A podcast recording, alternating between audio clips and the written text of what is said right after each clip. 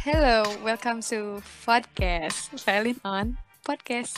Today I'm going to try to talk about something like usual that is a very important and is pressing issue. Tapi lagi-lagi sekarang aku nggak sendiri karena ada temanku yang ingin menemani sharing session kita pada hari ini. She is Marsha Fahira Maharani. Hello, hello, Aca. Hai. Aduh aku malu. Apa kabar? Alhamdulillah baik. Kamu apa kabar? Selalu baik ya. Iya alhamdulillah. Kamu apa kabar? Alhamdulillah sedikit baik Kok sedikit?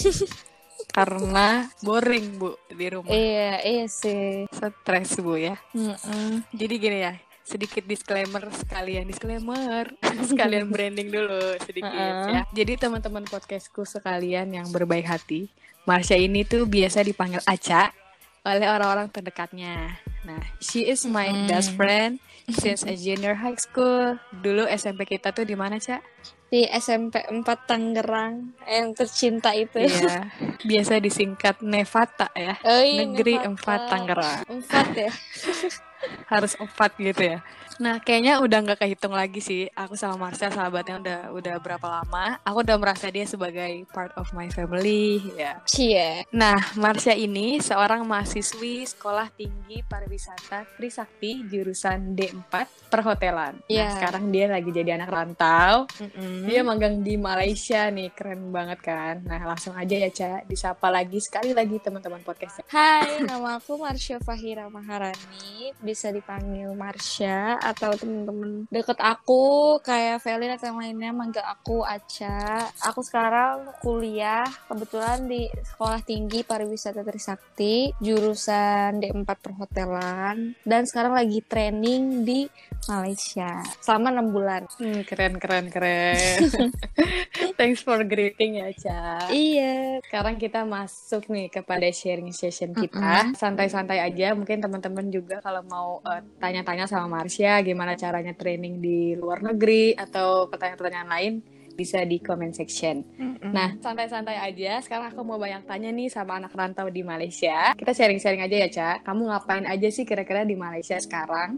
Terus Ah. kira-kira kamu ngalamin kendala gak sih training pas masa covid-covid kayak gini? Jadi aku jawab ya, aku kan uh, kuliah di perhotelan jurusannya. Uh, milihnya untuk training di luar, di luar negeri maunya, karena mikirnya Hmm. untuk pengalaman gitu kan, plus kayak untuk nanti Betul. uh, pengalaman kerjanya jadi kan bisa dilihat lagi gitu kan. Kalau kalau di Betul, luar betul. mungkin qualified-nya jadi bisa lebih upgrade gitu kan kalau di luar negeri gitu. Jadi ya udah aku Mm-mm. pilihnya maunya yang deket-deket aja Malaysia. Plus kan kalau di luar negeri yang lain kayak di Thailand atau Dubai atau Hong Kong itu takut kayak susah cari makanan yang halal atau mungkin nanti kan ini sekarang aku puasa di sini lebaran di sini jadi tetap Mm-mm. bisa ibadah segala macemnya karena kan masih Malaysia masih emang negara muslim kan sama Indonesia mayoritasnya jadi Betul. lebih enak kalau di Malaysia gitu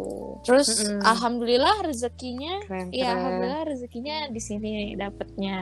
Ikut interview, akhirnya keterima betul. di sini. Terus jadi deh ngerantau 6 bulan.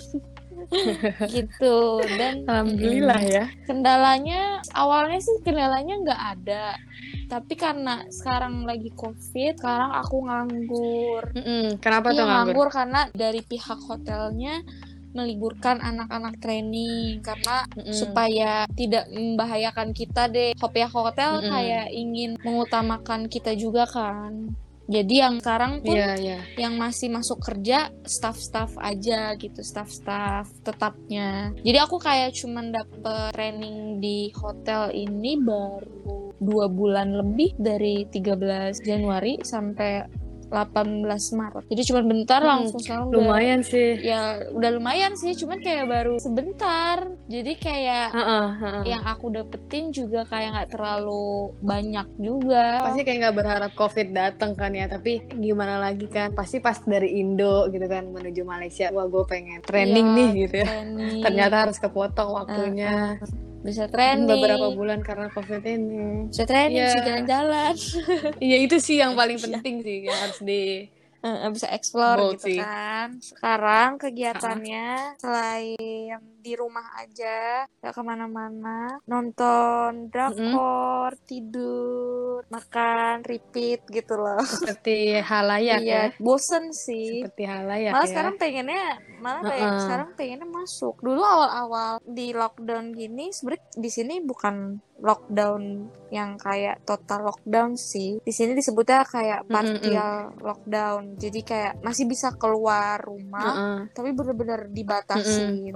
Nah ya Ca, aku jadi kepo nih. Di sana gimana sih kebijakannya gitu? Apa sama kayak pemerintah Indonesia gitu? Coba-coba jelasin dong. Eh, kalau di sini itu kebijakannya kalau di Indonesia mungkin baru diterapin kan PSBB ya Mm-mm, Nah, kalau PSBB. di sini di Malaysia namanya PKP, pergerakan kawalan pemerintah atau bisa disebut di bahasa Inggrisnya tuh MCO. Jadi movement Mm-mm. control order. Habis itu tapi di sini tuh lebih menurut aku lebih ketat daripada di Indonesia peraturannya. Mm-mm. Pastilah ya gimana. Jadi di sini pada takut juga sih karena takut didenda, ka- Mm-mm. takut kena polisi segala macem. Kalau di Indonesia aku lihat kayak agak masih kurang apa ya, masih kurang kesadaran gitu ya dari rakyat Mm-mm, untuk betul. kayak harusnya kan ada partisipasi maksudnya untuk sama-sama lah gitu kan. Mm-mm, Prihatin ini kan maksudnya nggak cuman di Indonesia gitu loh ini kan kayak di seluruh dunia jadi Mm-mm. kalau misalkan menurut aku tanya mau seketat apa pun tapi kalau dari kitanya nggak ada kesadaran ya tetap aja nih bakal Mm-mm. berlanjut terus eh, corona Betul. bakal kayak Betul. eh, apa sih rantai infeksi itu kayak nggak bakal putus nggak sih kalau Betul. semua orang maunya keluar gitu kan nggak bisa ditahan justru kan sebenarnya lebih enak Betul, betul. kadang ya kayak sebenarnya lebih Mm-mm. enak di rumah aja kadang kan lebih bisa lebih quality time sama Mm-mm. keluarga segala macem gitu kan Betul. tuh jadi Kadang orang nggak sadar sih kalau sebenarnya COVID ini jadi gitu menyatukan kan. gitu. iya sebenarnya kan Betul.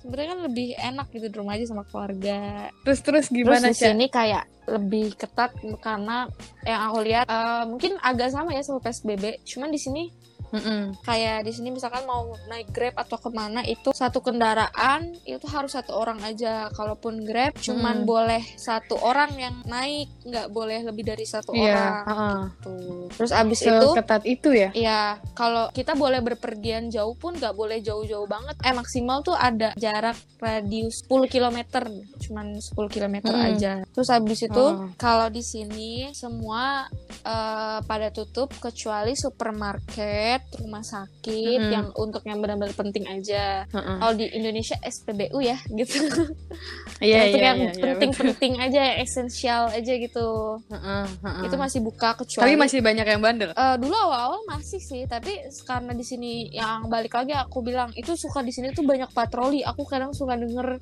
kalau Mm-mm. udah malam tuh udah lewat dari jam 8 kan udah nggak boleh keluar jam 8 malam udah bener-bener jalanan udah sepi. Itu kayak Hmm. jadi mobil patroli polisi tuh suka keliling gitu loh. Jadi bisa ditilang-tilangin, di, di, didenda Betul, yang betul. masih keluar-keluar. Di Uh-uh. sini dibatasin dari jam 8 pagi sampai jam 8 malam aja. Terus kalau mau keluar yang benar-benar mendesak pun kalau misalkan untuk ada yang kan masih ada yang kerja walaupun work from home gitu kan atau sekolah di rumah atau eh, kerja di rumah tapi masih ada yang harus banget kerja di luar gitu kan kayak kayak Mm-mm. misalkan beberapa staff kayak di hotel aku itu masih banyak yang kerja kan Iya. itu harus ada suratnya surat dari Mm-mm. hotelnya gitu kebijakannya gimana jadi kalau semisalnya di ketemu polisi gitu atau gimana bisa dikasih gitu Heeh. Terus kalau buat kamu sendiri pernah sempat ke gap gitu atau enggak aku justru jujur malah aku takut keluar rumah sebenarnya dulu awal-awal pas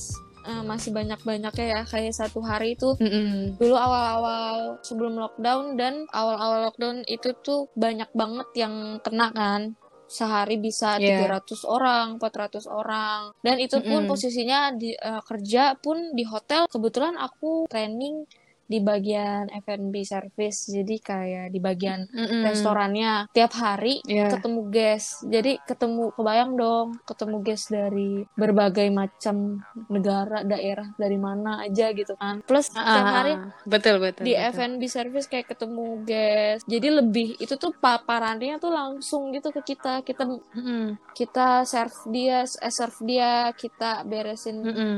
Bekas dia makan segala macem, cleaning segala macem itu bener-bener ya takut sih. Jadi dikit-dikit cuci tangan terus pakai masker pakai sarung tangan yang mulai-mulai agak banyak di sini coronanya ya langsung lebih siapin safety-nya aja sih tapi agak takut walaupun agak takut juga gitu kan Iya, wajar sih. kalau aku di sini justru Parno, kayak parno. eh, eh, malah nggak berani justru nggak mau sebenarnya dulu awal-awal mau ke supermarket pun agak takut gitu malah Mm-mm, mm-mm. ketemu orang banyak yang bergurung-guruan gitu padahal kan walaupun ada eh, social distancing misalkan satu meter gitu kan atau gimana tapi tetap Ca, ca. aja takut Hah? Masih oke sih kalau misalnya kita masih ada kesadaran atau rasa takut Mm-mm, gitu. mm-mm. Even kayak gua mah gak bakal kena sih gitu. iya Soalnya di Indo sih bukan di Indo doang sih, tapi maksudnya di sekitar lingkungan Indo nih masih banyak orang-orang ya tenang aja gua nggak apa-apa kok gitu loh. karena kalau menurut aku tuh gimana ya kalau misalnya kayak di Malaysia ini Mm-mm. orangnya sebenarnya kayak di Indonesia juga masih agak kurang patuh cuman seenggaknya lebih taat di sini gitu maksudnya lebih patuh uh, Iya iya iya. peraturan di sini daripada di Indo kalau di Indo aku lihat kayak keluar rumah nggak pakai masker masih suka Iya sih. nongkrong nongkrong itu di sini aja pun Ah. misalnya kayak ke supermarket itu nggak boleh masuk kalau dia nggak pakai masker jadi kayak seketat itu gitu loh Mm-mm. kan lah gimana ya kan lebih baik mencegah kan Iya daripada iya. mengobati gitu loh sangatnya nge- ngebantu Betul. juga gitu tenaga medis segala macam jadi sebenarnya kalau misalkan harusnya sama-sama kan semua orang tuh dari kesadaran masing-masing buat flattening the curve ini maksudnya jadi kayak biar curve-nya nih Bareng-bareng kurvanya lah nih ya. nggak naik gitu Ha-ha. kan karena kalau udah nggak udah Ha-ha. naik banget gitu juga rumah sakit juga nggak ada yang gimana ya susah juga kehabisan tenaga medis kewalahan kehabisan APD segala macam Mm-mm. gitu kan Iya iya iya. Setuju setuju setuju. Itu harus dibarengin sama semua aktor sih. Kayak nggak cuma pemerintah doang setuju gak sih? Individu Iya, juga.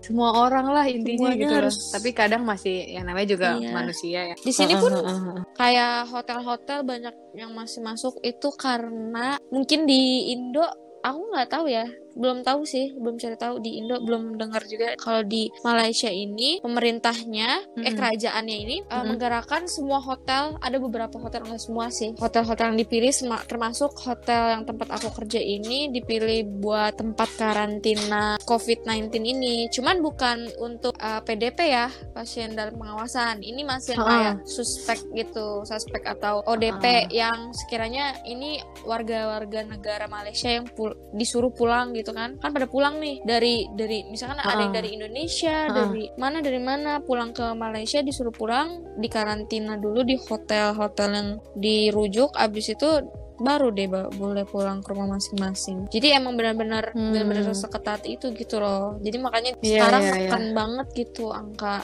dia supaya nggak naik lagi case-nya. Tapi di sini Uh-uh. pun kemarin udah sempet beberapa beberapa hari yang lalu, beberapa minggu yang lalu itu benar-benar di bawah 50 bahkan mungkin karena emang PKP bulan ini udah sebulan ya, sebulan udah empat kali PKP diperpanjang perpanjang terus jadinya ya alhamdulillah sih di sini udah mulai sedikit gitu loh sehari yang kemarin-kemarin ya sehari yang kena cuman 28 case atau pokoknya di bawah 50 deh karena Mm-mm. ya ini Mm-mm. rakyatnya juga nurut gitu loh. Iya, Terus iya, pemerintahnya juga ya sama-sama kerja sama. Jadi di sini juga udah lumayan. Jadi sekarang Jadi- tanggal Heeh, heeh. eh, Lanjut. 4 Mei kemarin baru kemarin itu dilonggarkan PKP-nya. Mm-mm. Belum bener-bener secara resmi Mm-mm. diselesain PKP-nya Uh-uh. tapi dilonggarkan. Uh. Tapi masih dalam pengawasan. Jadi tuh kayak pemerintah ngasih kebijakan yang hampir mengeluarkan banyak uang itu juga nggak percuma Iya. gitu loh karena masyarakatnya Uh-uh. juga Di sini juga emang gitu. iya sih keluarnya juga banyak. Di Indo pun pasti banyak juga gitu kan. Ah, kayak di sini pemerintahnya kerajaannya kan udah ngeluarin banyak gitu kan untuk negaranya harusnya kan rakyatnya kita juga sebagai rakyat ya nurut aja gitu. Mm-mm. Terus ya harapan kamu untuk selanjutnya gimana nih? COVID-19 akan segera pergi, even di Indonesia atau di Malaysia gimana? Apa training kamu bakal lanjut lagi atau gimana gitu? Semoga eh, COVID-19 ini cepet hilang ya guys. Amin. Jadi supaya ya kita bisa aktivitas lagi, bisa Mm-mm. aktivitas lagi, bisa Amin. kuliah lagi, bisa Mm-mm. sosialisasi lagi. Itu sih yang penting. Karena kan gimana Mm. ya, walaupun suka-sukanya kita di rumah tetap nyamannya di rumah, tapi kan tetap ya kita kan butuh sosialisasi juga sama dunia luar segala macam gitu kan. Betul, betul, betul. Nah, habis untuk Training lanjut training untuk sekarang kayak masih nunggu kebijakan dari uh, hotelnya dulu sih. Tapi rata-rata teman-teman aku kebanyakan yang dari luar itu dari Hong Kong dari Thailand Mm-mm. itu kalau hotelnya memulangkan ya silahkan. Tapi karena sekarang hotel belum memulangkan belum ada keputusan mereka baru nyuruh kita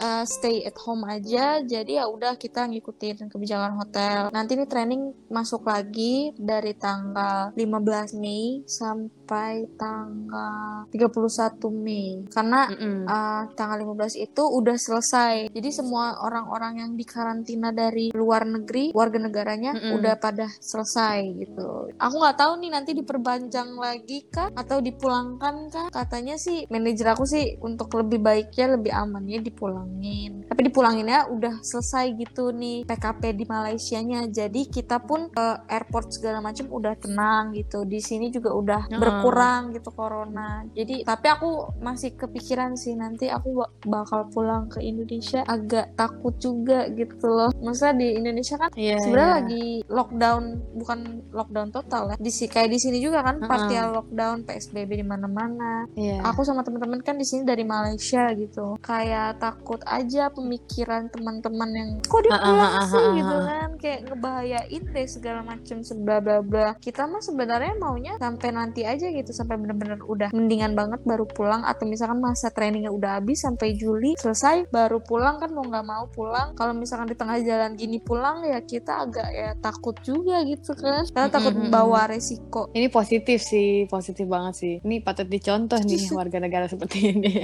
Karena nggak mau bawa sesuatu hal yang buruk gitu ya, jadi harus Iya. merelakan Ah, di sana. Karena kan menuntut ilmu juga sih ya, jadi Ya ya agak udah gimana sih. diaturnya. Heeh sih, wajar sih. kita nggak dapet di sini cuman baru sampai dua bulan aja padahal harusnya totalnya enam Mm-mm. bulan kepotong PKP ini jadinya kan udah sekarang udah hampir 47 hari mau 50 hari Tapi semoga harapan yang tadi sudah kamu sebutkan, ya, Ya, yang kita semua semoga- harapkan bisa. Pasti ada hikmah sih. Ini pasti ada hikmah sih. Eh, itu aku baca Putus-putus. di internet katanya eh, Kemdikbud mau memperpanjang masa pembelajaran di rumah aja sampai akhir 2020 ya. Iya dong, keren kan? Oh keren sih. Ya keren dong, maksudnya kayak coba. Tapi ya Berarti Kemendikbud itu percaya sama kita kalau kita bisa iya melakukan sih. study from home dengan Tapi- perfect menurut Ah. mereka di rumah. tugas tugas lebih banyak gak sih tugas lebih banyak kan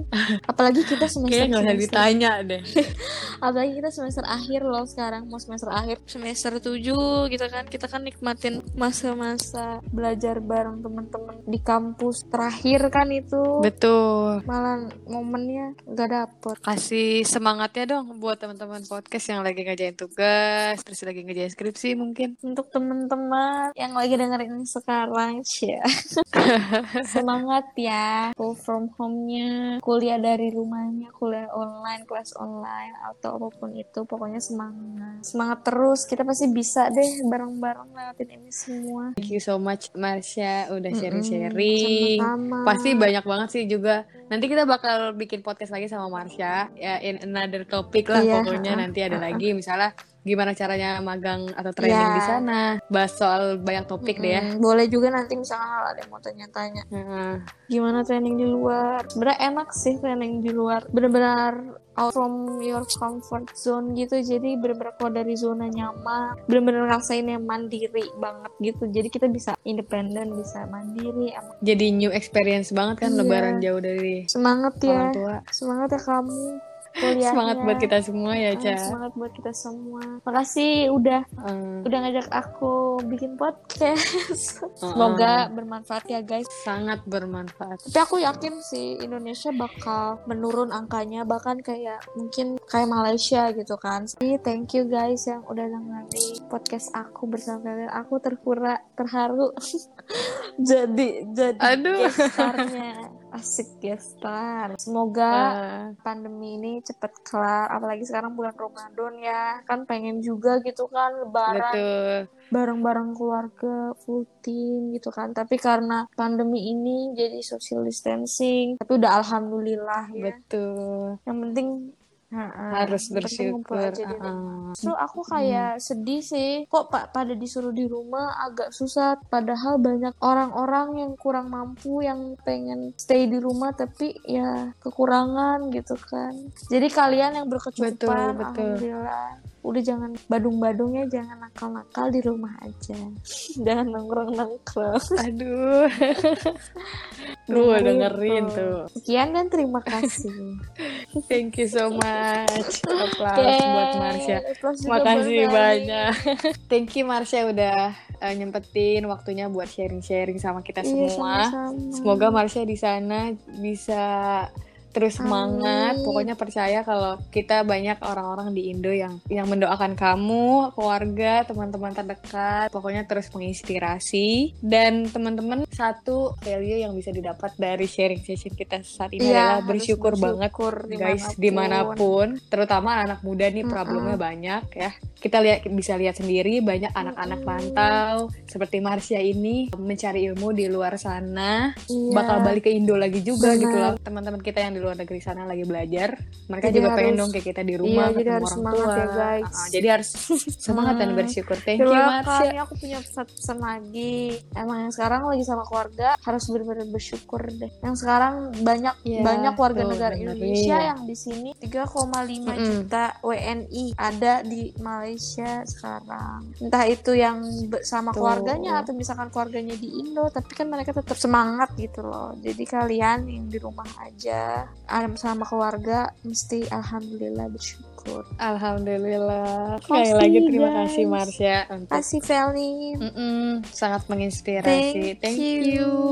Bye bye. bye bye Assalamualaikum Felin. Waalaikumsalam Dadah, see you warahmatullahi next wabarakatuh time guys. see you Bye.